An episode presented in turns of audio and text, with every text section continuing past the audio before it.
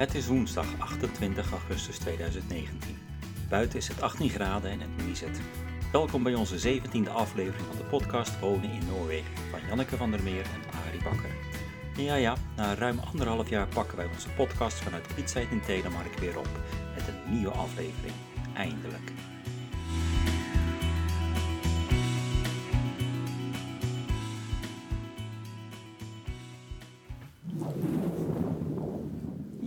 We leven We nog. leven nog, ja. Oh, dit was heel lang geleden. Ja, Onze vorige podcast Toen we- dateert van... ja ik, ik schat zo'n ja. twee jaar geleden. Oh, Ja, daar gaan we verandering in brengen. dit is aflevering 17. Oeh, Ja, volgens mij. nou, Goed, we gaan, eh, nou, leuk dat jullie weer luisteren. Eh, we gaan eerst maar heel even terugblikken om, en proberen om de afgelopen twee jaar kort samen te vatten. kort samen te vatten en toch weer even een paar leuke punten van Noorwegen anno nu Mhm. te bespreken. Dan schenk ik even een kopje thee in. Jij je kopje thee. Ja, eh, twee jaar geen podcast. Hebben we daar een reden voor? Ja, eigenlijk niet. We kunnen smoezen verzinnen als het, oh, we hadden het zo druk en we zijn met verbouwen bezig en we hebben de B&B gehad. Maar Mhm. we hebben er eigenlijk gewoon geen tijd meer voor genomen. Nee, En al die tijd, ook gedurende die twee afgelopen jaren, zeiden we tegen elkaar: we moeten weer eens. ja, we moeten weer eens. En eh, nu hebben we misschien ook wel een beetje mede door het feit dat we eh, onze dochter en haar gezin boven ons hebben wonen voor negen maanden. Acht. Acht. Boah. Ja, wat zin in neem. Eh, dat we toch iets willen zeggen over eh, waar we mee bezig zijn en hoe het Ja. leven ons vergaat. Ja, daarover ook straks meer. Ja. Ja, nou ja, laten we toch even wat introduceren. Want we, we hebben een plannetje gemaakt voor een van onze kleinkinderen. ja. Ehm, dan moeten we toch heel eventjes vertellen dat onze dochter eh, Mhm. niet zomaar uit Nederland komt, maar al heel lang, sinds 2002, 2003, Of één? Ik weet het Ja. niet meer. Oh, in In- Canada woont. in Canada woont. Mhm. En dus, eh, Getrouwd is met Justin. ja, en ze hebben een gezinnetje daar met Mhm. inmiddels drie kleinkinderen. Yep. Coden, Jack en Noah van nu negen maanden, Ja, bijna tien. en Die is hier gekomen toen hij twee maanden oud ja, was. ja, ja. Dus Dus hij heeft langer in Noorwegen gewoond dan in eh hij weet Canada. niet beter. Nee. Ja. Niet dat hij heel veel Noors van ons oppikt, maar... nou, hij hoort in ieder geval veel Nederlands, hè? Om zich Ja. heen. Maar, de, nou, eh, vertel eens even wat meer over de reden waarom ze hier zijn. Ja, Rosanne, die had al heel lang de wens, en ik ook als moeder natuurlijk, om wat dichter bij elkaar te wonen en wat meer tijd met elkaar te kunnen hebben, zodat we ook de kleinkinderen konden zien opgroeien. Ja, Nou, dat is eigenlijk heel in het kort. En zij hebben dan de stap gewaagd. Na de bevalling kon Rosanne moederschapsverlof krijgen. ja, En Justin had het plan opgevat om een specialistische studie te doen voor zijn ambulancepapieren. ja, En dat samengevoegd betekende dat ze eigenlijk hun handen vrij hadden om hierheen te komen. ja. En wij hebben natuurlijk een groot huis.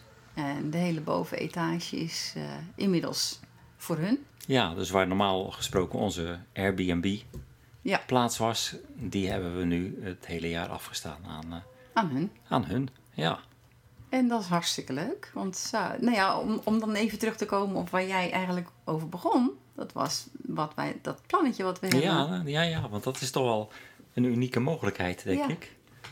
Om, Ja, ja we, we dachten eraan om Coden, dat is onze oudste kleinzoon, die is nu inmiddels negen geworden. Om die eens te vragen naar zijn ervaringen, eh, hoe het is om in Noorwegen te leven en naar school te gaan als negenjarige en om ineens Noors te moeten spreken. Ja. Eh, Het was wel een sprong in diepe voor eh, hem Ja, natuurlijk. want hij spreekt natuurlijk vloeiend Engels en een beetje Nederlands en een beetje Frans. Mhm. Maar deze kleine negenjarige spreekt inmiddels ook wel een beetje Noors. Ja. Hij heeft vriendjes. en- Ja, nou, ja, dus hij, hij leeft hier eh, om, echt. Hè? Dus daar, daar willen we is een volgende. om hem daarover te bevragen. Ja, daar willen we een volgende podcast aan eventjes aan wijden. Ja. ja, nou ja, laten we eventjes met dit in de achtergrond, dat mensen in ieder geval weten dat onze Airbnb de hele zomer, eigenlijk het hele jaar al dicht is. Eh, even terugkijken naar vooral vorig jaar. Mhm. Want vorig jaar was, eh, zoals in heel Europa, ook in Nederland, en, en, en in België was toch een hele speciale periode. We hadden een, Gort droog. het was gewoon droog en het was bloody hot. ja. Ah, bloedwarm. ja. Ja. En, en niet alleen, ja, dat heeft ook het gevolg dat, het, eh, dat er hier vreselijk veel brandgevaar was. Ja. Er zijn ook, eh, ik weet nog van een dag, 24 uur dan, waren er 12 branden in onze omgeving. Gewoon Ja. bosbranden. Ja, en het dichtstbijzijnde was op kleine anderhalf, twee kilometer. afstand, ja. En we zitten hier midden in de bossen. En het was eng. Ik vond het eng, ja. Ja. Je rook ook de brandlucht. En Ja. je hebt een houten huis. En je bent gewoon bang dat het dichterbij komt. Of dat de volgende brandhaak bij jou in je achtertuin is, bij wijze Ja. van spreken. Ja, Ja, het was zelfs zo erg dat een, bierblikje, een bierblikje wat in de zon ligt, dat eh, kan al brand veroorzaken. ja, ja, barbecuen was überhaupt verboden. Mocht niet, nee. Open vuur, niks mocht er meer. Nee. En er was ook vrij strenge controle op. Ja. Eh, we zagen veel helikopters. ja, en de bevolking werd opgeroepen om eh, mee te helpen om broodjes te smeren voor alle brandweerlieden die Ja. constant in touw waren. Ja, en, dat was Ja. echt zo. Want jij had toen jezelf opgegeven. Ja. Om te helpen. Dat was, Ja. Ik was eigenlijk op ja, vrij laat ermee. Ja. Het was laat voordat ik het door had dat Maar je dat kon. Toen maar, moest je eh, verplicht lid worden van de vrouwenvereniging of zo. Ja, dat is een soort van Noorse vereniging van huisvrouwen. Ja. Iets in die trant. En toen zei ik van, nou, schrijf me maar wel op die lijst om broodjes te smeren. Maar ik voel me nog te jong om lid te worden van jullie vereniging. Daar moest ik om lachen. Ja. Waar hebben ze nog gereageerd erop? Ja, dat wist ja. ik niet eens. Ja, ja, ik kreeg wel een sticker en een brochure van wat die vereniging doet. Ja, nou, het, het was hier gort droog. En het was hier droger. Dat zou je raar in de oren klinken, maar droger dan in Nederland. Eh, Ik bedoel, jullie weten denk ik inmiddels wel dat de winter hier eind maart zo'n beetje afgelopen is. Dan verdwijnt de laatste sneeuw. En eh, sneeuw is water en zakt in de bodem. En ha- sinds half april stopte het met regenen. En het heeft tussen half april en half augustus twee dagen geregend in Noorwegen. Ja. Tenminste in het gebied hier in Telemark, Waar wij zitten dan. waar wij zitten. en dat is veel te weinig. Dat, het was gewoon ongelooflijk. Ik bedoel, niet alleen ons grasveld. nou, grasveld, ik bedoel. We hebben hier honderden vierkante meters aan gras. Dat was geel, dood, verdord. Ja, en dan hoor je iedereen zeggen, oh, de, vooral in Nederland dan, familie, van, ah, maar dat trekt wel weer bij. Ja, Gras trekt is wel bij. sterk. Nou, hier dus niet. Nee, dat was gewoon niet zo, want het, het, het heeft maanden geen water gehad. Ja, en dan komt er zo'n winter overheen en dat, ja, Maar- dat doet gras ook de das om, denk Ja, ik. het- ja het- goed. We hebben dus dit jaar gras moeten transplanteren. Ja, we hebben eerst gras gezaaid. Want dat doe je eigenlijk normaal. En dan slaat dat aan, of het komt op en het slaat aan. En na een paar maanden heb je toch een leuke grasmat weer. maar dat hielp hier eigenlijk niet. Nee. Dat had geen effect. Dus eh, waar we de borders wat groter hebben gemaakt, konden we gras wegsnijden. En mooie kleine vierkante blokjes hebben we ervan gemaakt. En dat hebben we overal Ja. inge, ingepoot of geplant in de tuin. En nu begint het weer een beetje te lijken. Ja, we kijken uit. Het is nog niet overal as groen as can be. Nee, je Maar ziet plekjes ertussen. Ja. Maar je ziet gewoon dat het gras wat er getransplanteerd is, Ja. dat het aangeslagen is. dat is heel veel uren werk geweest. Ja, Ja. Maar dat is eigenlijk het minste van het probleem geweest. Want als je kijkt naar wat het betekende hier voor eh, het dorp in Noorwegen. ehm, er waren oproepen om het gras dat je nog had te kunnen geven aan de boeren in de omgeving. ja. voor de veestapel. Eh, ook, ook wij hadden zoiets van, ja, we hebben nog wat gras staan beneden, langs de weg. Want we hebben een heel groot stuk gebied wat, een soort van weilandje. ja, wat, wat we verder niet gebruiken. Waar Nee. wat, wat van onze fruitbomen staan, maar Ja. die zijn nog te jong. Eh, maar er- was geen grasoogst meer. En dat betekende voor heel veel boeren, ook bij onze boeren aan de overkant, dat eh, ze moesten besluiten om vee eerder te doden Ja. omdat er geen voer meer was voor de afgelopen winter. En Mhm. Klopt, dat ja. is toch wel heel bitter om te horen. En dat probleem was overal hier in Scandinavië. Een alternatief was dat sommige boeren besloten hadden om hooi te importeren uit Polen en Ja. andere landen. Maar goed, die hadden Maar- natuurlijk ook al een beetje hetzelfde probleem. Ja, precies. De dus kosten was waren- duur. Ja, dat was het grote probleem. En ja, hele concrete problemen voor ons bijvoorbeeld. Je, ons huis is niet echt aangesloten op een waterleiding. Wij betrekken ons water rechtstreeks, en dat is heerlijk, uit de waterval. Ja. Maar de waterval hield op te bestaan. Want het was zo droog, er was geen water meer. Dus de waterval stopte op een gegeven moment en wij zaten in de tuin. En wij hoorden dat letterlijk Ja. van, hé, hey, het is stil, we horen Ja. geen geruis. Oeps, wat betekent dat? Ja, dat was even benauwd. Ik was heel benauwd. Ja. En we hebben toen, eh, ja, ik weet nog wel dat ik naar eh, eh, de Europries ben gegaan, zeg maar, de, de, de blokker van Noorwegen. En daar heb ik vele vijf liter vaten water gekocht. En emmers, om het, want we hadden toen de, de B&B open. Om de- in ieder geval de mensen boven vers water te kunnen geven. En toilet spoelen en koken en noem het maar op en wassen. En toen we, nou, ik denk dat twee dagen later zaten we weer in de tuin. En plotseling hoorden we geruis. Ja, we zagen de, de boer beneden. Ja. Zagen we zijn land besproeien. En toen dachten we, hoe kan dat nou? Ja, waar haalt hij het water Waar- vandaan? ja. Dat is dezelfde rivier als waar wij Ja. het uithalen. Ja, hetzelfde beekje. Ja, Ja, rivier is een ja, groot rivier woord. is een heel groot woord. En toen hoorden we ook dat, ge- dat geruis weer Ja. van de waterval, het stromen. ja, Wat je hoort vanuit de tuin. Toen dachten we, hé, hey, dus er zit bovenin toch ergens een dam die open Ja. en dichtgezet kan worden. Dat gereguleerd wordt door de gemeente. ja. En Dus dat bleek we zo te zijn. blij. Want boven ons, ehm, wij wonen op een 150 meter. eh, de, de berg begint gewoon in onze tuin en die gaat heel steil omhoog.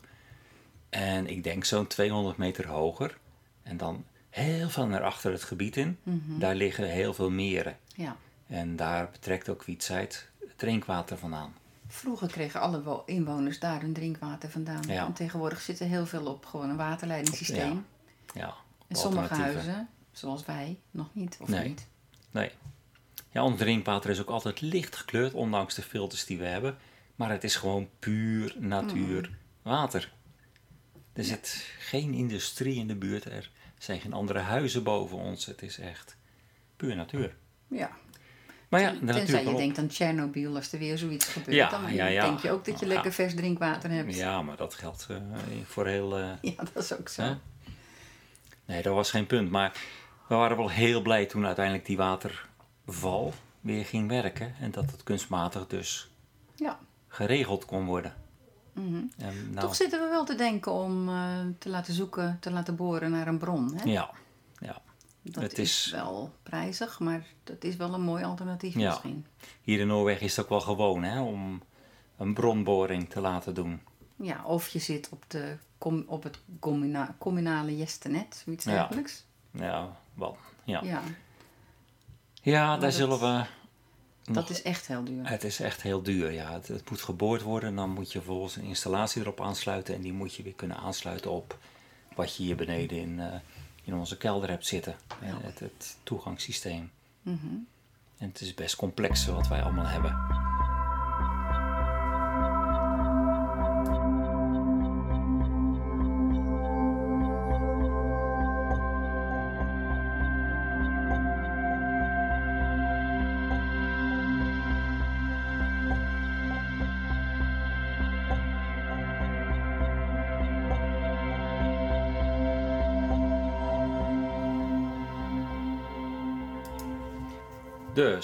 Ja, we hebben een B&B hè, al enige tijd, sinds 2016. Yep. Een beetje de periode toen we gestopt zijn geloof ik met de podcast. En dat loopt als een tierenleer. Ongelooflijk En goed. dat is ook wel leuk, denk ik, voor mensen die overwegen om, eh, waar dan ook ter wereld, maar goed, wij focussen een klein beetje op Noorwegen. Als je dat wil en je hebt de ruimte zoals wij, eh maak er in godsnaam gebruik van, want het is zo berenleuk. Ja, je ontmoet zoveel mensen, Het is, zoveel nationaliteiten. ja, het, het, we vonden het en we vinden het nog steeds een ongelooflijke ervaring. Ja. Het, het meeste ver- verkopen wij via eh, Airbnb. Mhm. En ja, dat kost al misschien per boeking 5 euro, maar wat is nou Ad- 5 als euro? administratiekosten, Ja, zo bedoel je. dat is Ja. Mhm. helemaal niks. En we proberen eigenlijk minimaal 50% terug te geven voor wat we vragen aan de mensen. Mhm. En dat doen we door middel van eh, nou ja, heel veel mogelijkheden Mooi. die ze krijgen. Mm, En een mooi ontbijt. En een heel luxueus ontbijt. Ja. En ja, als we terugkijken, dan denken we, eh, eigenlijk missen we het een klein beetje nu. ja. Eh, Maar we hebben zo verschrikkelijk veel mensen en gasten gehad die eigenlijk alleen maar ons vijf sterren gaven. Ja, ja, want daarom zijn wij nu ook superhosts. We zijn ja, belachelijk. Ja, we zijn superhost. Eh maar Nou ja, het leuke daar, daar is... ging het ons eigenlijk helemaal niet om. En we zeggen ook altijd van het gaat ons helemaal niet het gaat helemaal niet om het geld. Het gaat ons een beetje om de ontmoetingen die we hebben. Want we zitten hier als Nederlanders in Noorwegen. Ja, het is niet eenzaam, maar het, het is eenzamer dan als je in Nederland zou zitten. Waar je gewoon familie, vrienden, kennissen, collega's, alles komt aanwaaien. Ja, dat komt ook omdat we landelijk zitten. Ja, we zitten heel het is landelijk. niet zo dicht bebouwd hier. Nee, Dus je hebt natuurlijk weinig aanspraak. dus voor ons is opzoekt. ja, heel belangrijk dat we af en toe eens wat mensen ontmoeten. Mhm, dat is leuk, ja. Ze hebben mensen uit over, over de hele wereld gehad. Hè? Australië, Ja. ja, Duitsland, België, Nederland, Frankrijk, Ja, Frank- ja, ja, het, het is Engeland, Amerika verschillende keren. Heel mensen, veel. mensen die eh, ja, op zoek waren naar hun roots. Ja, de meeste Amerikanen die Ja. hier komen, die zoeken hun roots. Ja. En Kwitzeit is natuurlijk een heel oud dorp. Ja. Echt heel oud. Waar, ja, waar vandaan ook heel veel mensen vertrokken zijn. Ja, bij ons ja. bij de Brugge, bij, bij de Werf. Ja, Er zijn heel veel mensen eh, met hun koffers eh, ja. naar het grote geluk gegaan. We hebben ook, en als, als jullie als luisteraar zoeken bijvoorbeeld op Kwietenzeit en toerisme, ik roep maar even een term. Maar dan zal je ook om, eh, kunnen zien dat we daar een heel groot standbeeld hebben. Ja, Wat gemaakt is eh, door een kunstenaar die heel veel eh, expats, hoe eh, moet je het zeggen, mensen die vertrokken zijn vanuit. Kwietzijd, die vertrokken zijn naar het buitenland en die na vele tientallen jaren, misschien wel honderd jaar, Mhm. eh, zijn families aangeschreven vanuit Kwietzijd van zouden jullie een steen willen sturen naar Kwietzijd, dan gaan we dat verwerken in een kunstwerk. En dan leren we weer wat over de families die vertrokken zijn vanuit ons dorp. Ja, het is een, echt een herinneringsobject geworden. Ja, en het is heel mooi, druk bezocht. En Kwietzijd was ook, eh, zeker, in de af, zeker 100 jaar geleden en ook nog 50 jaar geleden, een heel centraal dorp hier. Ja, Waar heel veel mensen vanuit de regio vertrokken, want wij hadden hier de start van het Telemarkkanaal. De boten vertrokken richting de zee. En van daaruit ging men naar Amerika, Canada, Australië. ja. En ja, dat zie je nog steeds in ons dorp. Dat heeft nog altijd een hele centrale plek gekregen. klopt, ja. Ja. Dat doet mij ook een beetje denken aan de vikingen. Maar daarover later. meer. Ja, daarover later. We- eh, Even die gasten. Wat ik nog eventjes zou willen vertellen is de Zuid-Koreanen die we hadden. Een Zuid-Koreaans stel wat op huwelijksreis was, begrepen we. Maar- ze spraken geen Engels. Nee, dat was echt met handen en voeten Ja, communiceren. nou, dat moet jij maar vertellen, want ik heb ze eh, niet ontvangen, maar jij wel. Ja, dat begon eigenlijk al bij de ontvangst. Dat ze vroegen waar, ze, eh, waar hun huis was. En toen vertelde ik, ja, dat is eh, op de verdieping hierboven. En dat vond, ja, stonden ze toch wel een beetje beteuterd van te kijken. En toen gingen we samen naar boven. En ik heb ze de hele boel laten zien. En toen wilden ze weten waar de doekjes voor waren. Voor, voor de afwas. Of jij, nou, allemaal dat soort dingen. Dus dat, dat was al een beetje eh, Ja, een beetje gecompliceerd voor eigenlijk. ons, ja. En toen vroeg ik van wanneer willen jullie morgen ontbijten? En toen werd er geze- gezegd no breakfast, no breakfast. En ik vertelde, ja, maar jullie hebben er al voor betaald, dus jullie kunnen gewoon heerlijk ontbijten. Nou, we hadden een uur af, een, een tijdstip afgesproken. Volgens mij was het zes uur. Zes uur, Ja, ja. erg vroeg, maar oké, dat, eh, ja. dat doen we dan gewoon. En eh, ja, de volgende ochtend hoorden wij al potjes en pannetjes rommelen. Sterker nog, we hadden het vermoeden om half vijf s'nachts dat ze rijst aan het koken waren. Ja, dat was wel heel bijzonder. Ja. En toen gingen wij om zes uur omhoog met het, eh, het klaargemaakte ontbijt. Wat natuurlijk ja, eh, niet Aziatisch is, maar ja, broodjes met beleg en heel veel fruit en heel veel groenten en heel veel Ja. verse dingen en, eh, en van alles eromheen. En zij namen het heel, vele malen buigend aan. Mhm. En wij gingen weer naar beneden. En na een half uurtje, Nee, tien minuten. ja, of tien Echt minuten. tien ja, minuten. Ja, het was heel snel, ja. Ja. Ja, dat is waar. Toen kwamen ze al naar beneden om eh, afscheid van ons te nemen. Zo, ze waren klaar met ontbijten. Ja. En ja, jullie hebben ons ontbijt natuurlijk nog nooit gezien, maar wij werken een uur aan het ontbijt. Ja. Dus het is veel. En nou ja, vooral ook lekker. ja. Dus we hadden al zoiets van, oh, wat is er nou gebeurd toch? Maar goed, ze, ze gingen weg en eh, nog even nadat, we een nadat zij een en- selfie met ja. ons wilde. Ja. En, ja, en eh, toen zijn zij vertrokken naar hun volgende adres. En toen gingen wij naar boven, want we dachten, nou, er zal de hele boel wel nog staan. Ja. Misschien moeten wij dat ontbijt maar En eten. er was niets meer te vinden. geen blaadje sla, was- geen, ja. geen tomaatje wat was afgeslagen, helemaal niks. Alles was weg. dus wij hebben aan de ene kant wel het vermoeden dat ze niet wilden laten blijken dat zij geen, denken wij dan, geen, geen westers ontbijt wilden. Ja. En ze hebben waarschijnlijk alles of meegenomen eh, of om ergens in eh, te deponeren. Ja, ze kunnen het nooit allemaal ze opgegeten kunnen het gewoon hebben. nooit in 10 minuten hebben opgegeten. Normaal gesproken is het altijd zoveel dat we altijd al zeggen Ja. van maak ook een lunchpakketje. Ja, precies. Hele lieve mensen. Maar Ja, het, het was Ja, echt schoon op. Dat waren de Koreanen, maar de Amerikanen, dat vind ik echt alleslaand. Dat, eh, die, die zijn redelijk dankbaar.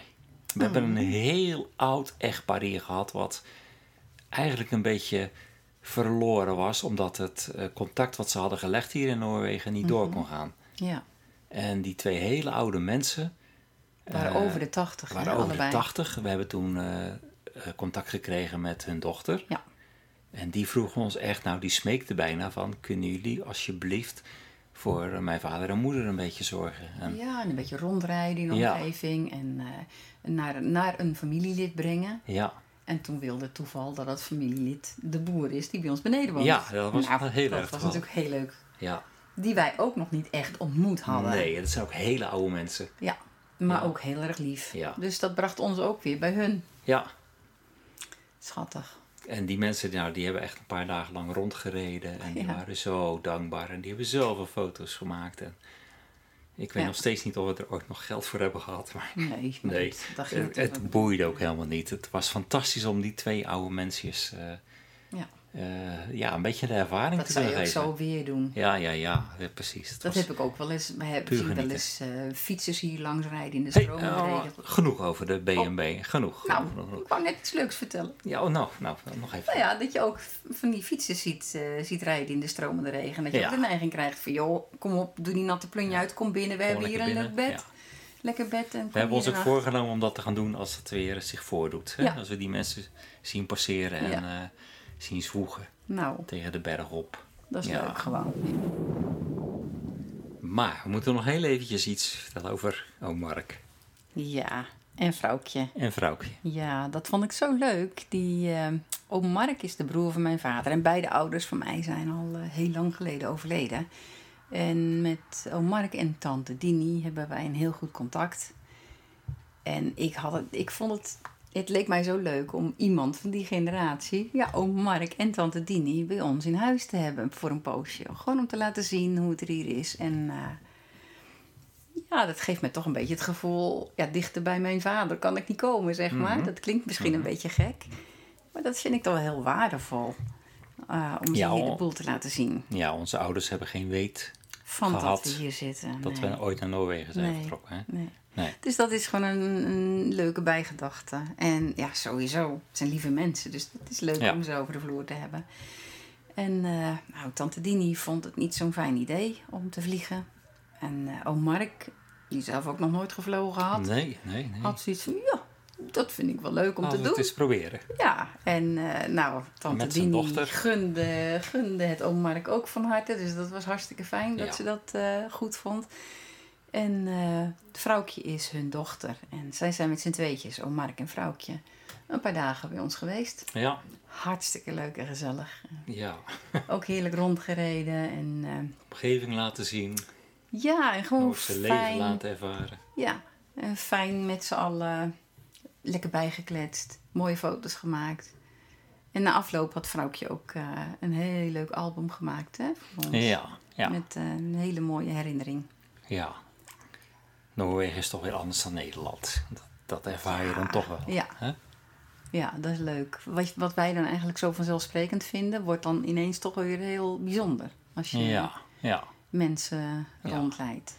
Ja, als je, als je daarover nadenkt, dan zelfs, we wonen hier nu zeven jaar, dat, dan merk je nog altijd en ervaar je nog altijd wel de verschillen. En, en er zijn ook nog wel dingen die je verlangt. Ehm, zoals die in Nederland waren. Mhm. Eh, natuurlijk zijn we elk jaar één of twee of drie keer terug in Nederland. Dat we even langs wippen. Ja, even gauw. En, en dan, dan merk je grote verschillen in de, de beschikbaarheid van, eh, van lekker eten. Een Albert Heijn is hier. ehm Ja, nou, moet, ik- moet ik wel zeggen, wij wonen in een landelijk gebied, zoals je net al memoreerde. Maar Mhm. eh, hier heb je geen Albert Heijn type winkels. Nee, maar ik- als ik in Albert Heijn loop, dan moet ik zeggen, dan benauwt het me ook. Ik krijg gewoon keuzestress.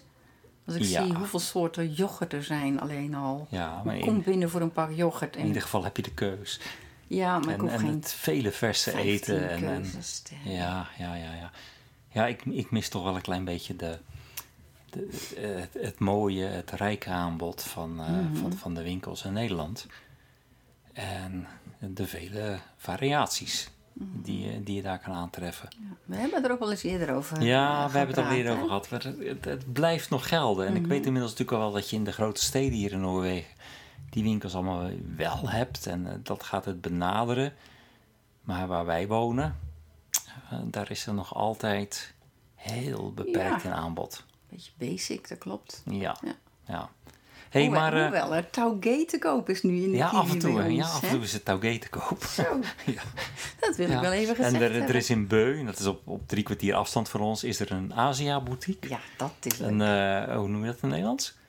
Een eh, Toko? een toko. Ja. Een heel klein winkeltje. Maar die hebben heel veel aanbod aan, aan kruiden en eh, verse buitenlandse groentes. En het is heel leuk. En ik zei dat ik uit Nederland kwam. Toen zei ze, oh ja, oh, oh, ja, ja, ja, nu maar kijken, nu maar kijken, maar kijken. On- onze tomaten komen uit Nederland. Ik zeg, oh ja, ja, ja, ja, ja. Maar daar kom ik niet voor.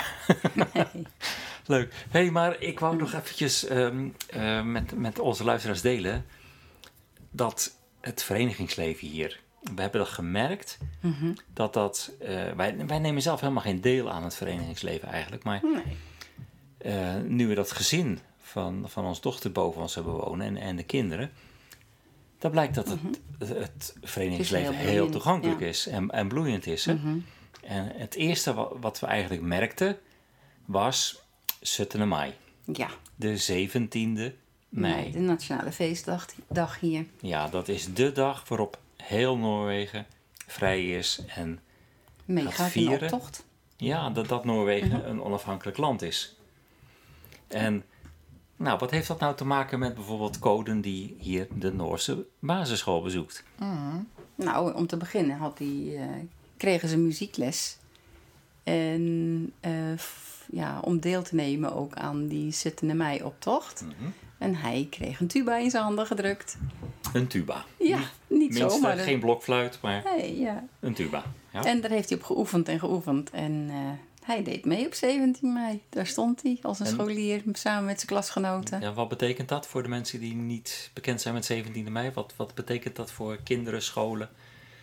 Dan gaan hele klassen, ja, eigenlijk alle kinderen, alle gezinnen, Iedereen, iedereen. mee. iedereen gaat in de optocht, In de feestkleding. eh, dat betekent eigenlijk een bunat Ja. eh, voor de vrouwen, een klederdracht.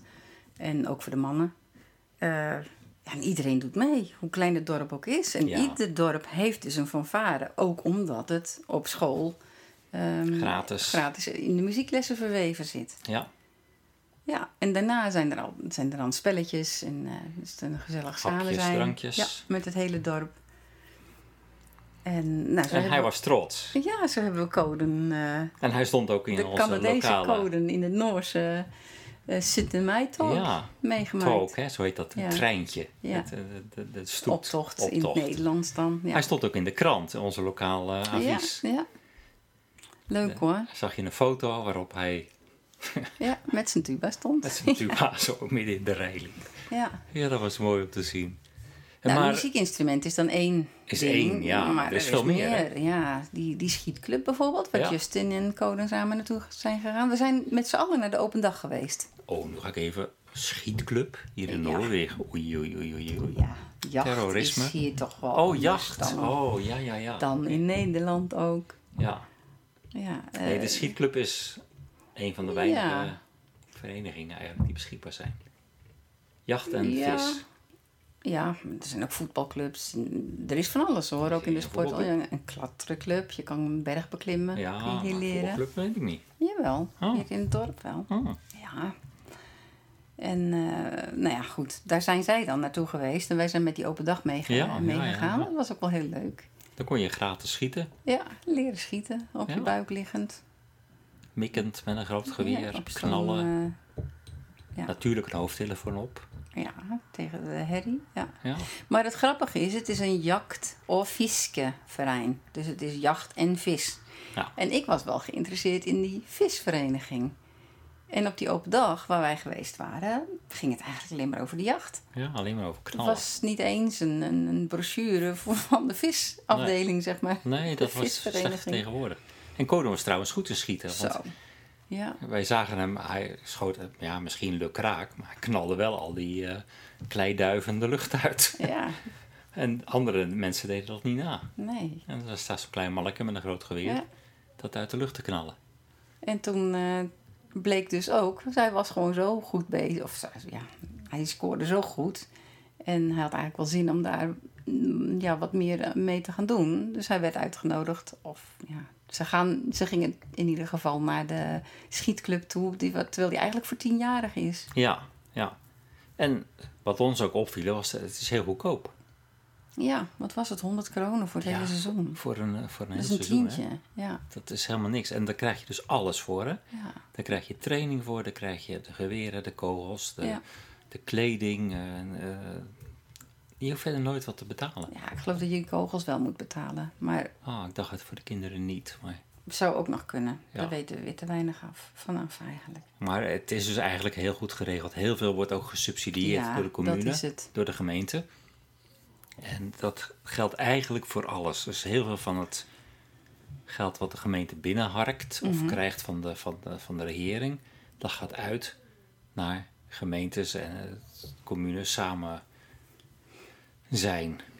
Of dat nou een muziekvereniging is, Mhm. of een, een breiklub, of een bibliotheek, of een schietvereniging, of eh, een, eh, de bootjes voor de vaarvereniging, weet ik het. Mhm.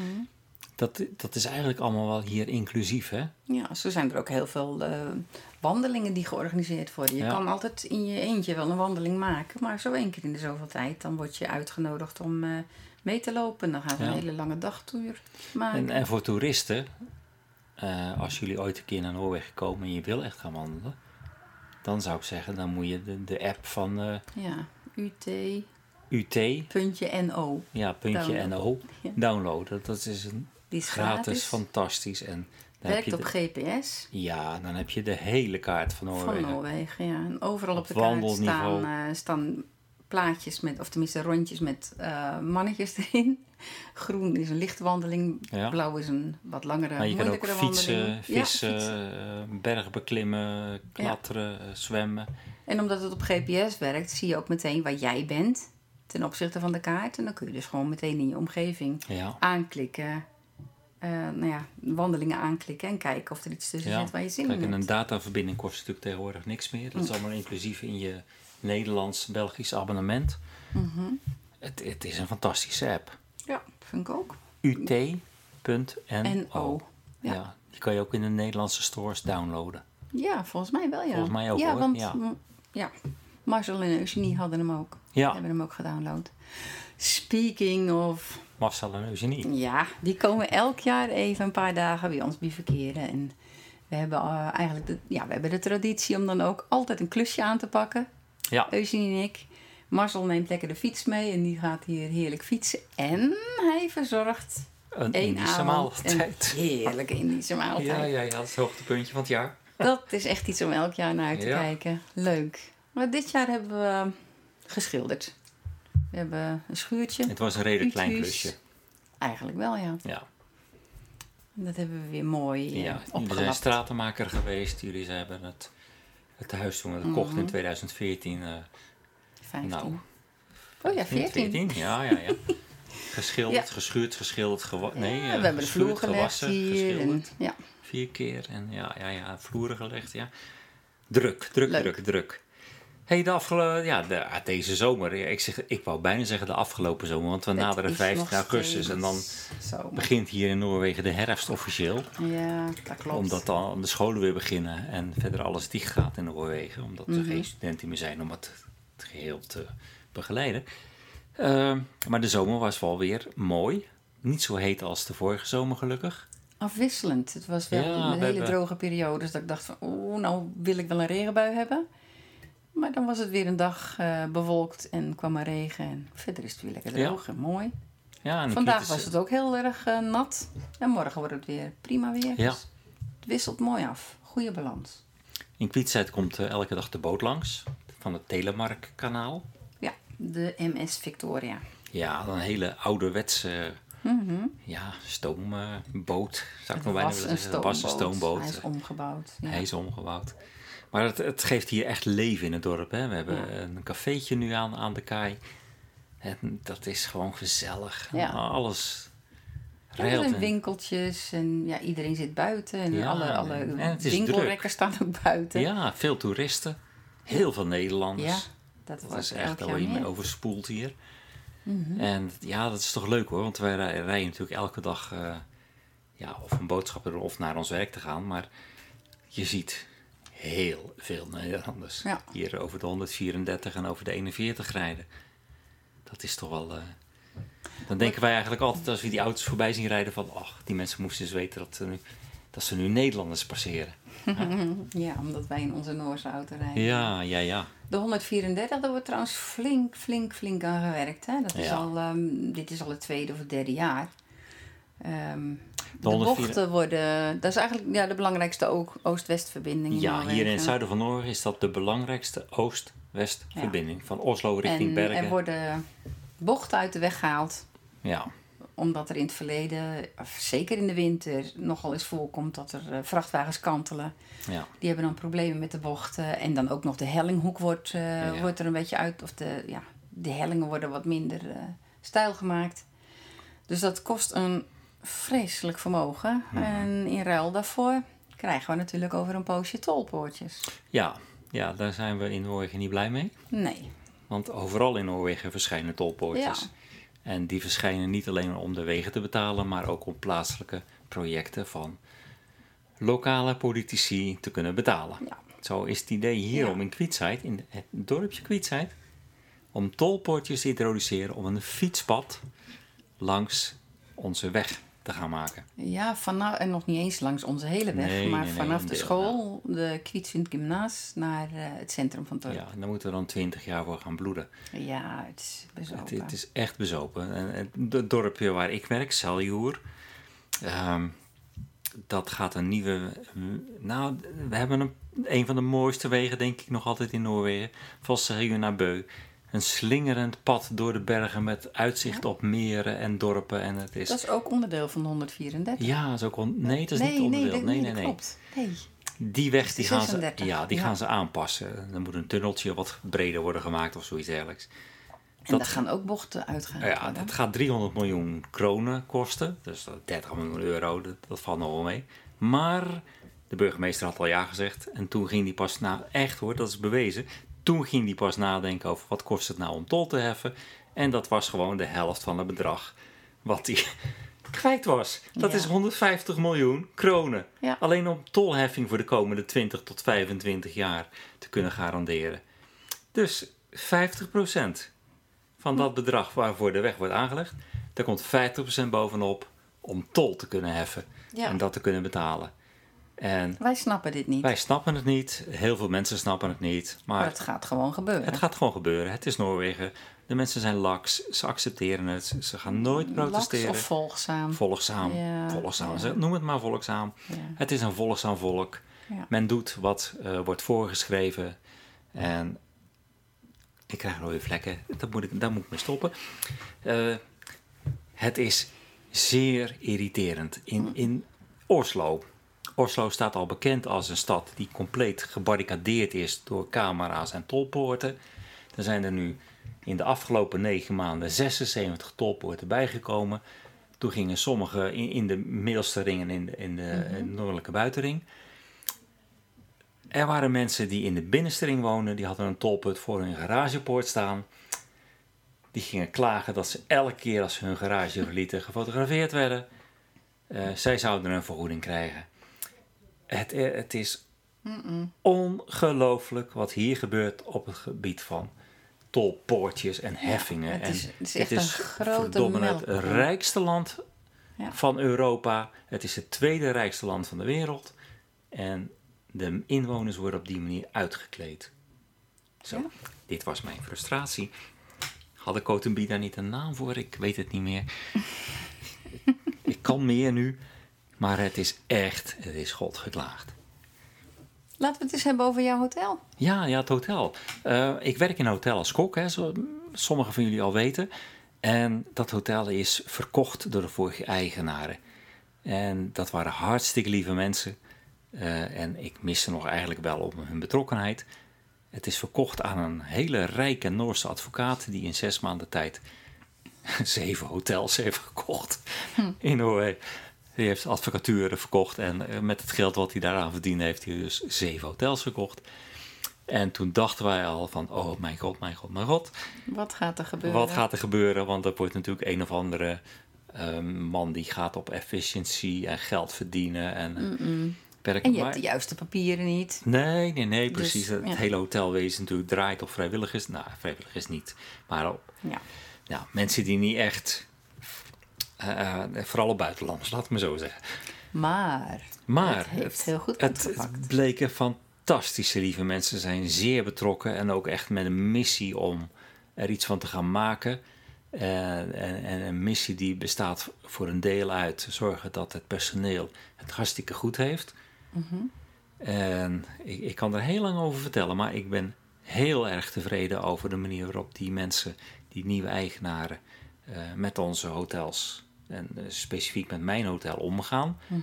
Eh, ja, ik heb ook gewoon een eh, veel beter aanbod gekregen, een veel beter salaris gekregen.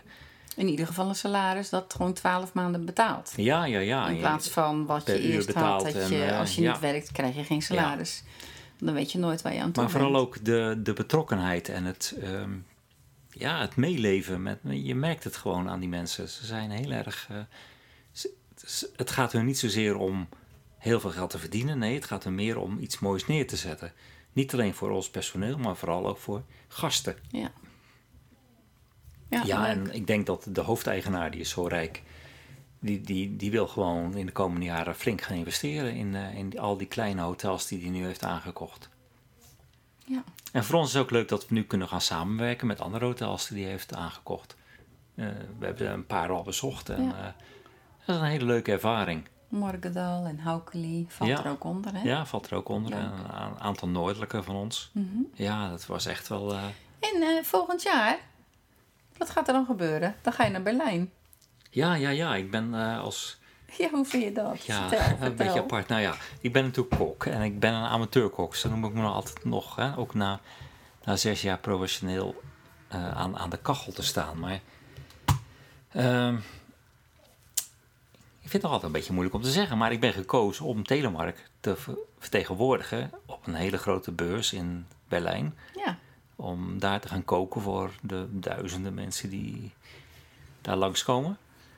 dat is toch hartstikke mooi. Ja, ik weet nog niet Leuk. precies wat me allemaal te wachten staat. Ik, ik, binnenkort heb ik een afspraak met eh, een kok die daar vorig jaar is geweest. Ja, zij, dat is een kokin, hè? Ja, zij, ja. eh, Zij is een naam, zij is eh, nu in Morgendal. Ja, komt van Australië en eh, werkt in Morgana Hotel. is En, net zo bevlogen als jij, want zij ja, zij ja, ik heeft denk ook geen papiertjes. Nee, ook geen papiertjes, Nee. maar... En ik sprak met die man die het allemaal organiseert en die zei van ja, maar het gaat ons niet zozeer om de papieren, het gaat ons meer om de bevlogenheid, om de passie. Precies. En nou ja, dat, dat heb ik inderdaad wel. Ik vind dat eh, het mooiste wat ik kan doen is mensen verwennen en een beetje buiten de gebaande paden gaan af en toe Mhm. met eten. Ja. Dus dat wordt ergens in januari. Ik moet het allemaal nog bevestigen, maar het is wel eh, iets waar ik eh, ja, wel wat erg veel trek in heb hoor. Hm, leuk, Ja. hè? En, ja, eh, ik zat ineens te denken aan Noorwegen, vertegenwoordigd het buitenland. Dan denk ik Oh, ja. vikingen. Vikingen. Oh, ik dacht dat je hierover... Oh nee, daar, ga- daar gaan we zo naartoe. Maar Oké, De vikingen, ja leuk. Want er, eh, we hadden het er net al heel even maakte ik zo'n sprongetje van vikingen. Ehm, ik weet niet meer waarover we het hadden, maar in ieder geval... eh, we hebben een paar weken geleden vikingen op bezoek gehad. eh, ja, in het dorp. Ja. Eh, je, zag ze, je, kon er, je zag ze echt aankomen varen met die mooie grote vikingschepen. Dat zijn replica's van de Oosterbje- Oostberg in, eh, in Oslo. Oslo. En nog, een, nog een andere, de Gaia. Waar, die is zelfs naar Amerika gevaren. Dus Ja. compleet zeewaardige schepen zijn dat. Ja, het was alleen al prachtig om ze binnen te zien komen. Helaas zonder zeilen, maar wel al roeiend.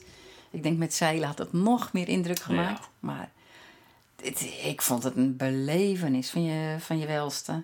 Heerlijk. Ze kwamen aan in, ehm, in, het, eh, in de Buc de Thun. Dus waar al die hele oude huisjes ook staan. Dus het kon niet Ja, beter. zeg maar het oudste gedeelte perfect. van onze gemeente. In Ja, Kwietzijd. Waar Kwietzijd eigenlijk geboren is. Ja, En, en er zijn ook sporen ge- eh, gevonden van de vikingen. Want die hadden vroeger al Brunstein, heet dat. ja. Stenen waarmee je eh, messen kan slijpen.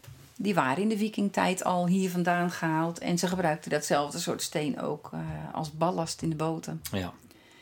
Dus ja, het, was, het was gewoon geweldig om te zien. Dus ze zijn gestart in het oude stukje van Kwietzijd. En eh, ook weer allemaal met hapjes en drankjes en spelletjes en eh, dingen te doen. En later op de dag zijn ze verder gevaren naar, eh, naar het, wat nu Kwietzijd is. Ja. Lagen ze bij de brugge. Bij het café. Bij het café, ja. Ja. Zaten allemaal aan lange tafels heerlijk te eten. En ze waren ook allemaal traditioneel gekleed, hè? ja, prachtig. Ja, dat was mooi.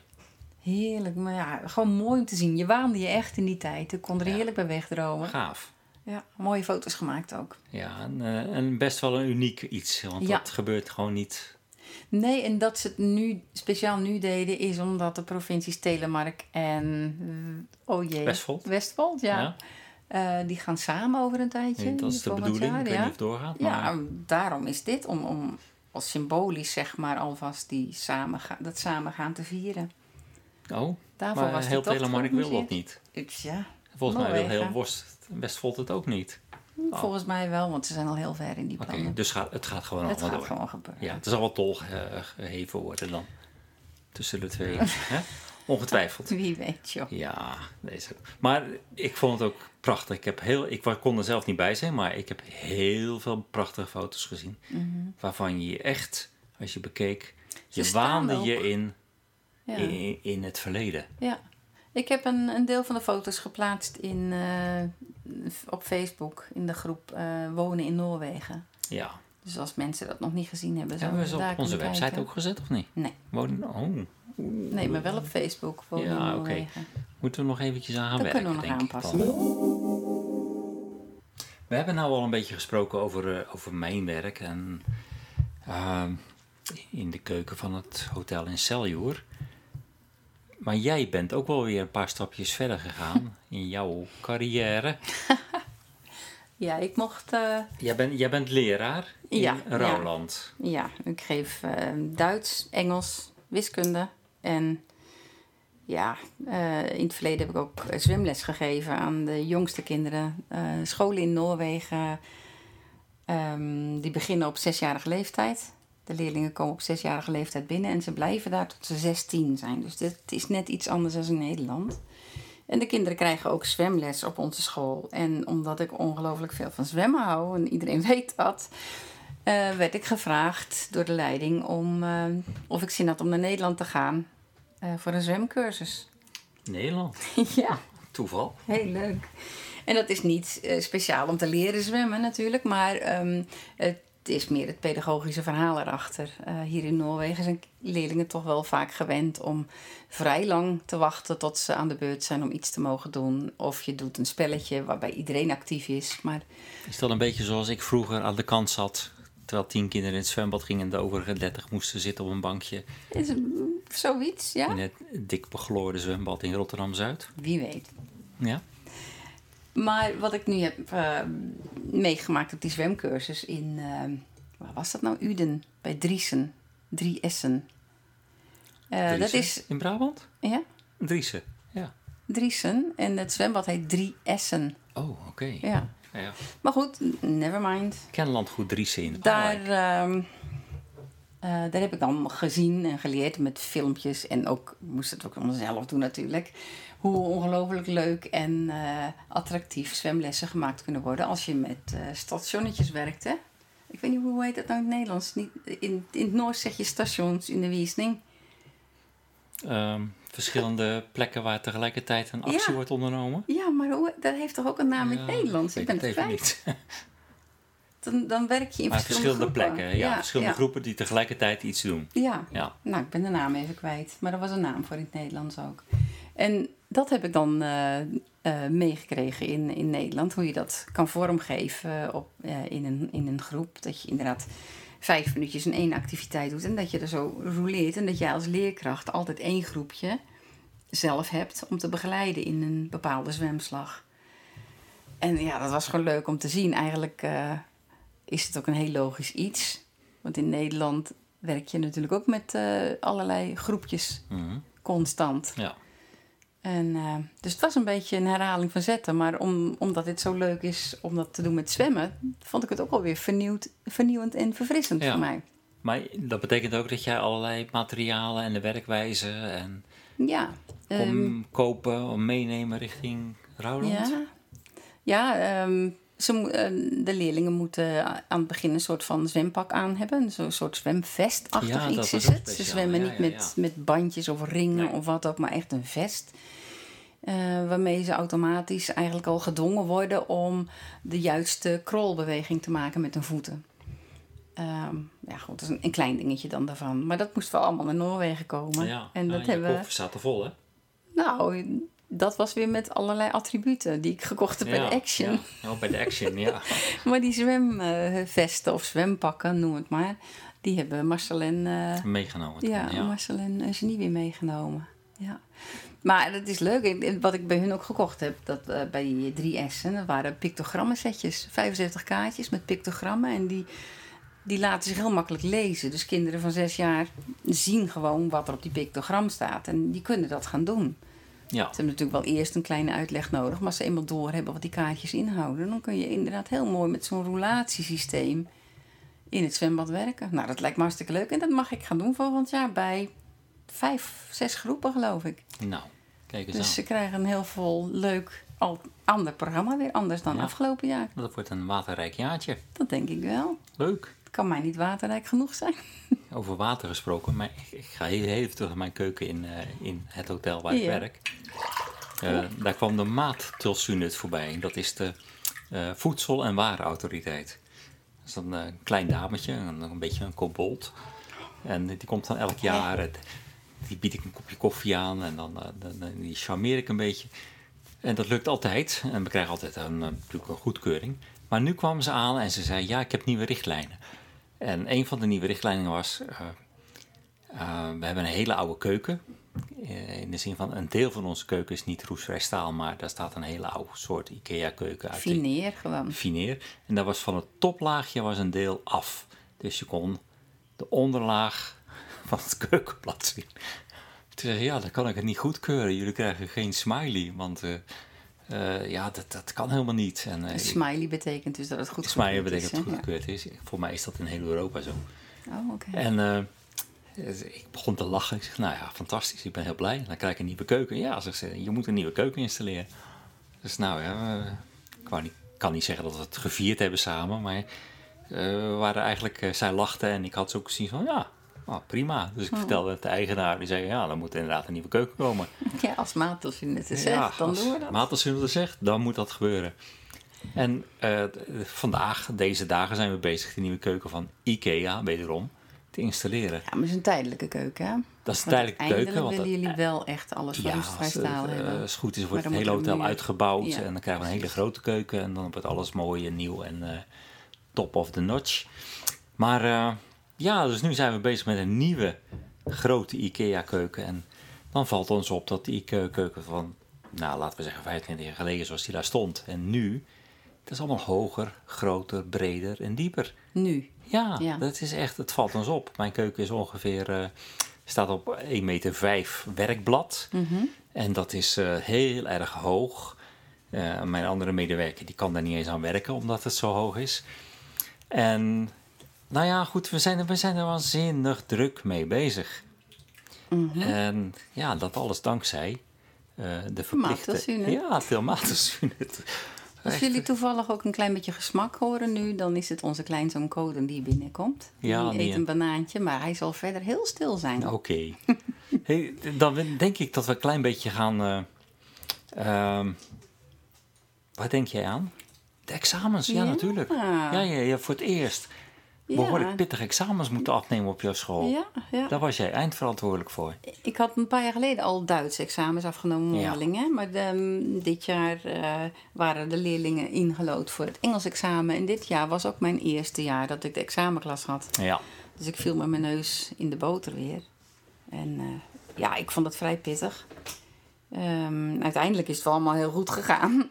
En dat weet je eigenlijk ook wel van tevoren. Maar ja, de zenuwen zijn er niet echt minder om. nee, het is spannend Ehm, geweest. Ja. Leerlingen worden in, worden, ehm, er wordt een soort van loting buiten ons om. Ja, even, de even, even voor, het, voor het algemene beeld. Ja, Je examenklas. ja. Je hebt dan 15, 20 kinderen. Mm, 18, in dit 18? geval waren het Ja. 18. Maar in Nederland doen kinderen ehm, examen in een, een, een tig aantal vakken. Ja. Dat is bij jullie hier in Noorwegen anders. Ja. Hè, dat hebben we al eens eerder uitgelegd, maar Mhm. Ja, ze krijgen eh, uiteindelijk het, eh, het schriftelijk, of ze, het examen bestaat uit een schriftelijk deel ja. en een mondeling deel. En als ik me even beperk tot het mondelinge deel, als je dan een klas hebt zoals nu van 18, 19 leerlingen, dan wordt die klas in drieën gehakt. Dan is er een, een, een derde deel dat krijgt examen in bijvoorbeeld ehm, maatschappijleer. Er is een deel dat krijgt bijvoorbeeld examen in Engels. Of Engels. Of Noors, of wiskunde, één van de vakken. Ja. Dus de leerlingen zelf weten niet waar ze ingedeeld worden. Nee. Leerkrachten zelf, leraren weten dat ook niet. Die weten dat ja, twee weken van tevoren, Mhm. zodat ze dan examens kunnen gaan maken. En eh 24 uur van tevoren horen de leerlingen het. Bij wie ze zijn ingedeeld en wat voor examen ze gaan krijgen. En dan hebben ze 24 uur de tijd om via een thema wat aangedragen wordt door de leraar eh, hun eh, presentatie te maken. Dat, een presentatie moet 10 minuten duren. Daarna wordt er nog 20 minuten gesproken met de leerlingen over dat thema. En eh, er zijn diverse thema's per eh, vak.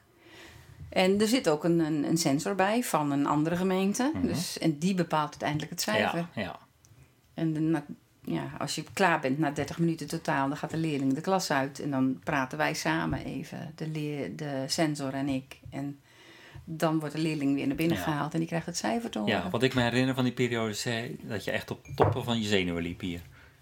Ja, het was nogal druk, Het ja. was heel druk en het was ook heel spannend en het was de eerste keer. En Ja, je bent toch een, een buitenlandse juf die het hele systeem moet vertegenwoordigen in feite. ja, eigenlijk wel, ja. Ja, ja, ja. Maar uiteindelijk is alles goed afgelopen, denk ik, hè? Ja. Ja. Ja. en nu heb ik ook zoiets van, ja, volgend jaar maar weer dan, hè? Ja, zo is dat. Ja. Ehm, pakken we nog heel even. We moeten toch een beetje richting het afsluiten gaan nu, hè? We zijn al, Mhm. zoals we eigenlijk al hadden voorspeld, veel te lang bezig, omdat we zoveel te vertellen hebben. Maar eh, kijk even naar buiten. Onze tuin, Mhm. die inmiddels na de, deze prachtige zomer weer eigenlijk heel mooi bloeit. Het gras is steeds zomer. richt, hè, ja, goed, maar goed, we gaan het, de eerste blaadjes dwarrelen al. Het gras is redelijk hersteld. Hè, dat hebben Mhm. we verteld. Het, het, het bloeit prachtig. De planten Eh. zijn eigenlijk, die, die we nieuw aangeplant hebben, zijn Ja. eigenlijk na vijf jaar... Ja, na vijf jaar kunnen we echt zeggen van, nou, nu begint het wat te worden. Ja, Ze worden voller. Het duurt vele jaren langer dan in Nederland. Ja, in Nederland steek je een tak in de grond en dan doet hij het of niet. Ja, en als ja, doet, bij wijze van spreken, maar het geldt ook voor eenvoudige planten die Ja. in Nederland eigenlijk gewoon binnen een jaar aanslaan. Ja. Die hebben hier jaren nodig. Die moeten de winters kunnen overleven. Ja. Die moeten kunnen overleven op deze hoogte. Mhm. Wij, wij wonen op hoogte 4, 5. Ja, in internationale zones, normen, zones. Ja. En nu Niet pas zien we dat sommige planten, de, de, de stokrozen bijvoorbeeld, die eigenlijk nooit goed aansloegen, die zijn nu Vier meter bijna. 4 meter. Dat Ja. is En onvoorstelbaar. zo gaan we door. Ja. Prachtig. Hey, en we denken om een, om een vijver Ja, te gaan bouwen. ja.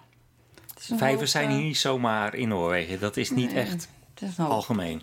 Nee, en het is een hoop graafwerk. En je weet niet of je op een rot stuit. En dat dan je plannetje niet Ja, doorgaat. ja, we weten zeker dat we op rot stuiten. Maar Eh, een vijver heet op zijn Noors een hagedam. Mhm. Hagen is tuin, dam is vijver. Een tuinvijver. Ja. Hagedam. Ehm, we willen dat gaan maken. We kunnen ook wel aan de spullen komen. Je kan hier ook folie kopen en dat soort zaken. Hm? Ja, dat is geen punt. Maar ehm, Jij had er iets over gelezen, hè? Over Ja. vissen. ja, Wij hoeven geen vis in onze Nee. vijver, maar... mogen mijn rode vlekken weer opkomen? Even? Nou, heel even dan. Heel even dan. Maar netjes verteld, Oké. want Coden zit erbij nu. Ja, nou, je mag in Noorwegen, ja, als je een privévijver hebt, mag je twee soorten vissen hebben. en De kooikarper en de goudvis. Zo, De nog een reden om geen tientallen andere vissen die je normaal gesproken in Nederland kunt aanschaffen om in je vijver te houden en die daar ook een taak kunnen verrichten, Ja. die zijn hier in Noorwegen verboden. ja, zoals heel veel, hè? Vissen is mogen ook wel- geen alcohol nuttigen. Oh nee. Nee, nee, nee.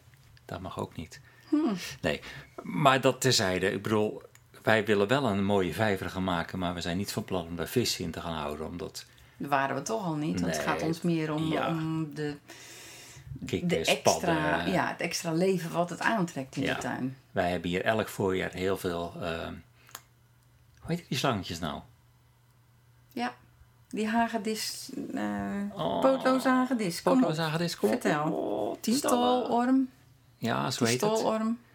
Ik kom er niet op.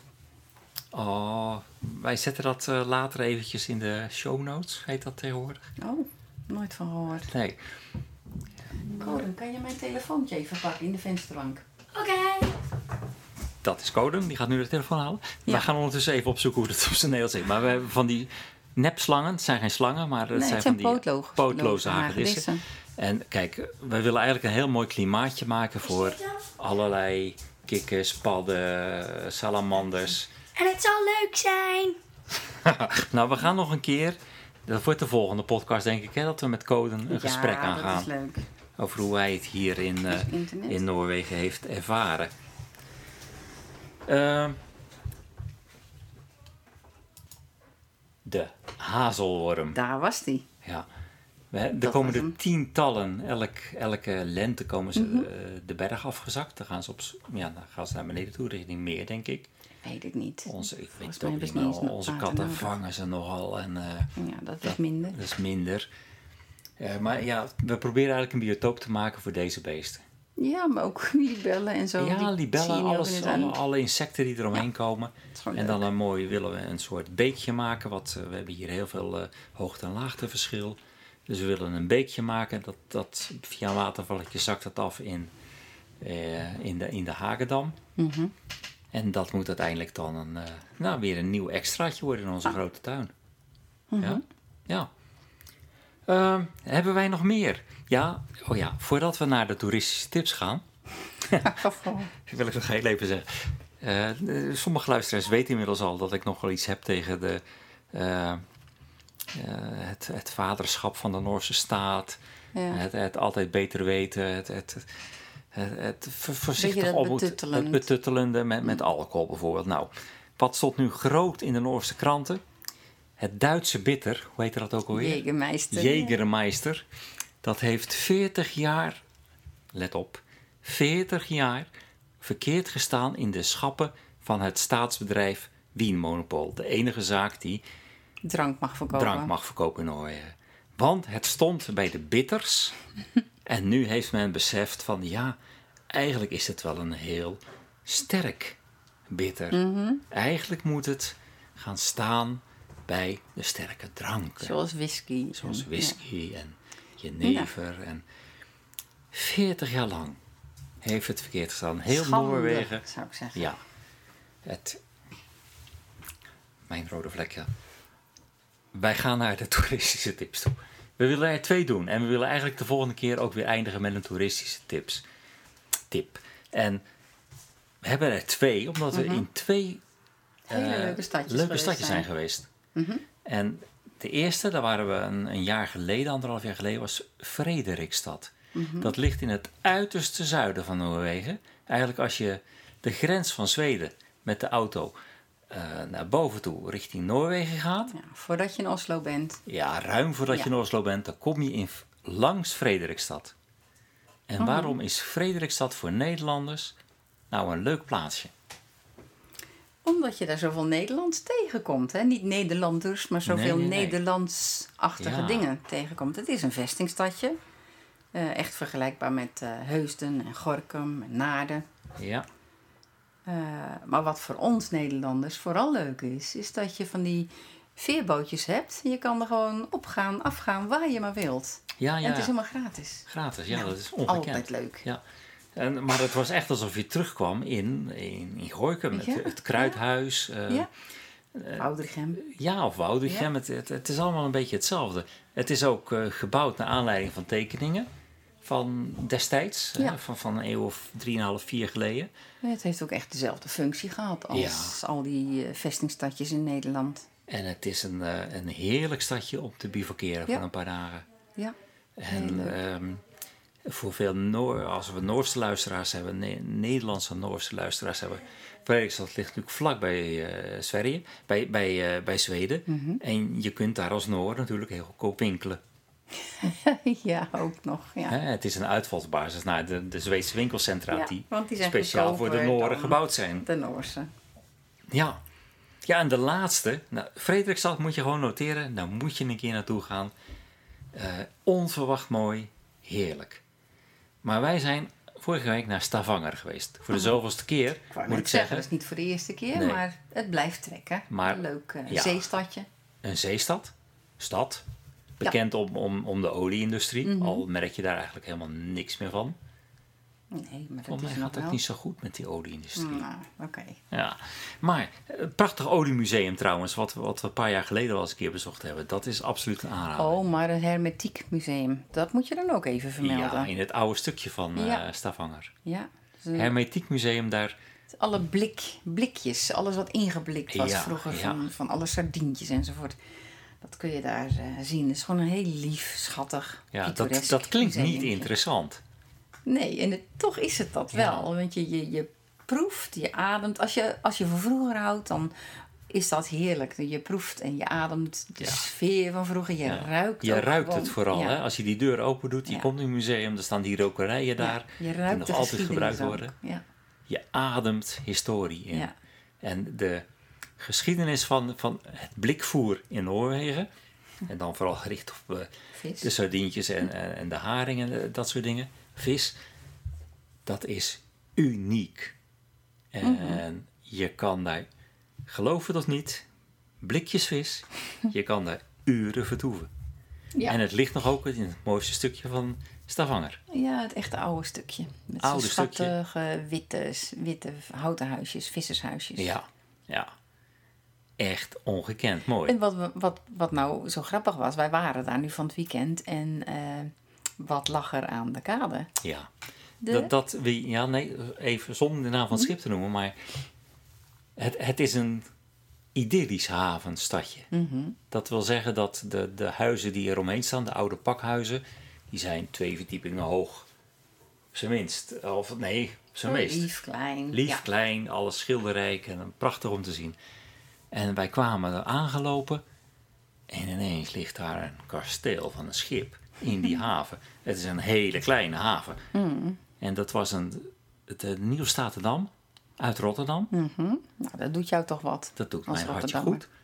Maar dat torende boven Stavanger Ja. uit.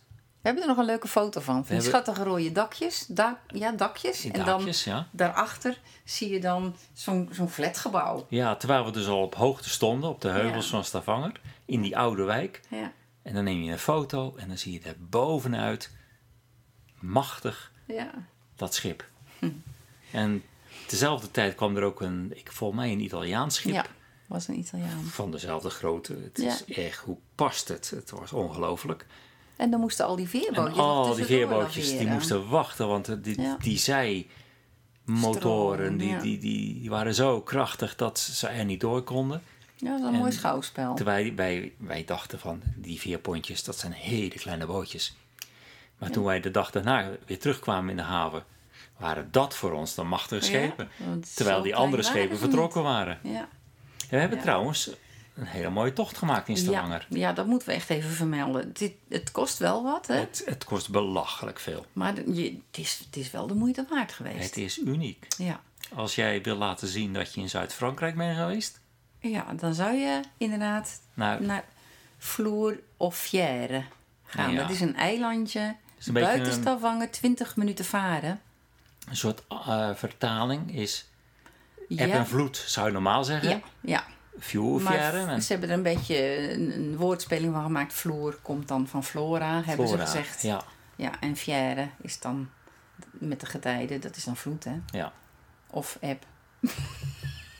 nou weet ik het Vloer is volgens mij eb Vloed? en fjärde is vloed volgens mij. Maar Dat eh, Google zijn er nog Noorse Translate, luisteraars die ons kunnen helpen? Ja. die, eh, ja, die lost dat wel op. Maar dat is een eilandje, een rotseiland, even buiten Stavanger, 20 minuutjes varen. Ja, en het heeft een, een, microklimaat vanwege de golfstroom, de warme golfstroom en, eh, en de vele bomen die er nu staan. Ja, want er is één familie geweest die daar 30 jaar geleden Allemaal bomen heeft geplant en, eh, en een uit- mooie tuin is Ik weet niet wat ik anders moet doen met mijn leven. Die is, is daar bomen gaan planten, zonder enig idee. Ja. ja, het was nog grappiger, want hij, hij was tuinder van beroep. Ja, En hij had een soort van pollenallergie. ja. Dus hij moest af en toe gewoon weg van Weg zijn beroep. van, ja. En toen ging hij op dat verlaten eiland zitten zonder bomen. Het is echt helemaal boomloos en kaal. We hebben er foto's van gezien. En hij is van lieverlee daar bomen gaan planten. En eh, nou ja, er is zo'n droom van een tuin. Een groot, grote tuin ontstaan. Maar nog even over het microklimaat. Want Ja. dat is microklimaat vanwege de golfstroom. En die bomen dan die er staan, die, de wind breken. Ja, precies. Want het is En de rotsen die er zijn, Ja. warmen de zon op en die geven het s'nachts of s'avonds weer heel langzaam terug. Dus daardoor blijft het een hele mooie ja. temperatuur. Het is daar op het eiland altijd 5 graden warmer dan, Op het dan in de stad Stavanger Ja. zelf, wat al in het zuiden van Noorwegen Ja, ligt. En langs de kust met een zeeklimaat ook al vrij mild is vergeleken bij waar wij dan wonen. Ja. Het kan er wel tot min 15 of zo worden af en toe. Eh, dus dan krijgen ze wel een knauw, die planten, maar ze redden het wel. Ja, ze redden het wel, hè. Ja. Maar als je zegt eh, planten, eh, wat moet ik me voorstellen dan? Wat zie je? Cactus. Palmbomen? Palmbomen, ja. Van die agaves, die ook echt niet winterhard zijn. Maar het is... Dat, dat klinkt nog redelijk normaal. Vind maar je? als... oh, ja, voor Nederlanders wel. Maar, eh, maar Maar dan in Noorwegen. je ziet, ze planten er 50.000 Oh, eenjarigen ja. bijvoorbeeld aan. Hou op, ja. Alleen maar bloemrijke planten. ja Te midden van alle perennials die daar gewoon altijd al staan. Ja, en klopt. elk jaar bouwen ze een stuk aan in die tuin, een themagebied. Ja, klopt. Wat dat betreft, het, het, het is prijzig, hè? We, we betaalden 1250 kronen pp. Maar ja, toch, als je dan zit te redeneren van wat krijg je ervoor terug? Je hebt die bootreis, hè, twee keer 20 minuten. Mhm. Je krijgt er een maaltijd, Ja. ook een belevenis. Was een hele mooie maaltijd. eh, Een door Nederlandse kok een trouwens. Nederlandse kok. Ja, hoe heet Die, die, eh, nou? Mulder van zijn achternaam? Ja, André Mulder. André Mulder. En hij zei ook van ik werk eh, vijf maanden per jaar. Vier zelfs. Nee, nou ja, vijf. vijf, ja. ja En hij zegt, dan werk ik ook te blubben van vroeg tot 's avonds Ja. laat. En dat, dat merkte ook wel, want alles was vers wat hij maakte. En eh, het is een eiland waar bijvoorbeeld geen, geen watertoevoer is. Dus ze Ja. moeten alles echt Ja, in tanks eh, opslaan. in tanks opslaan, verzorgen en, en regelen. En het was een prachtige maand met lekkere visgerechten, lekkere vleesgerechten. eh, goed verzorgd. Ja. Ehm, we kregen alles, inclusief een heerlijke vissoep. Wat ook wel een beetje mooi, zijn, zijn Mhm. signatuur was, signatuurdis was. Koffie, toetje na. Ja, eh, compleet verzorgd. Leuke introductie. Ja, die rondleiding dan die we gehad hebben. En daarna heb je nog twee eiland. uur de En tijd twee uur om, om eh, alles zelf te gaan lekker verkennen. te bekijken. Ja. Dus het is het wel waard. ja, achteraf gezien vonden we het ook wel waard. Maar Ja. 125 het schrikt af. euro. Als je als toerist naar Noorwegen PP. komt, dan denk je van voor dat geld Dat koop ik wel wat anders. Doe Ja, ik iets anders. ja, kan ik dagenlang. eh, En toch, net, net zoals de, BBC daar kwam eh, om te filmen en om het onmogelijk eigenlijk zichtbaar te maken. ja. We hebben Het er uniek. zo van genoten. En eh, eigenlijk vertellen we het nu tegen iedereen die we, die we ontmoeten en willen vertellen over Stavanger. Ja. Terwijl Stavanger heel veel meer te bieden heeft hoor. We, we kunnen je absoluut eh, prachtige Je musea aanraden. vloer. Eh, heerlijk te wandelen. Je kan overal lekker koffie drinken, lekker eten. Er is een Burger King. Echt, je kan aan je trek komen. Er zijn meeuwen die vervolgens de hamburger weer uit je mond en uit je handen weghalen. Eh, er is van alles te doen. Het is een stad eh, ongelijk Oslo. Het is veel meer kleinschalig, wat, wat, wat, misschien wat boerser zelfs om te noemen. Eh, het is een heerlijke stad om te vertoeven. Met heel veel winkels die wij natuurlijk hier in landschappelijke kwietzijd missen. Ook niet hebben, ja. Eh, dus het is voor ons ook wel weer een gelegenheid om lekker te gaan shoppen bij Ikea en eh, alle andere grote winkelketens. Ja, als je Maar een absoluut- langskomt, hè. Ja, nee, maar het, eh, het was best weer eventjes een, terug naar de grote stad. Heerlijke stad. Ja. Mooi voor toeristen. Leuk om te verkennen. Vier, vijf dagen kun je er moeiteloos doorbrengen. Nou, Wat hebben we genoemd? We hebben genoemd Frederikstad in het zuiden onder Oslo. En we hebben genoemd Stavanger in het zuiden, maar dan aan de andere kant, aan de westkust. ja, en dit zijn culturele uitstapjes, hè. Voor ons wel. Oké, Nou ja, je hebt ook wandelingen. tot zover. ja, dat is waar. Tot zover even, denk ik. Yep. Dan Tot gaan we de de volgende volgende podcast ja, gaan we besteden aan eh, een interview met Coden. Ja. Ja? Dankjewel voor het luisteren. Doei. Het is weer tijd om afscheid te nemen. Deze 17e aflevering zit erop. Bedankt voor het luisteren. Je kunt je reacties, suggesties en vragen sturen naar woneninnoorwegen.gmail.com. En je kunt je ook gratis abonneren op deze podcast, bijvoorbeeld op soundcloud.com, in iTunes of in je eigen app. Je kunt ons ook vinden op Facebook, Wonen in Noorwegen. Leuk als je ons daar ook liked. En mocht je Noorwegen in het echt willen meemaken, kijk maar eens op www.hetdusvie.no. Vanuit Kwietzijd Noorwegen zeg ik een welgemeend hadebra, hou je haaks en tot de volgende keer.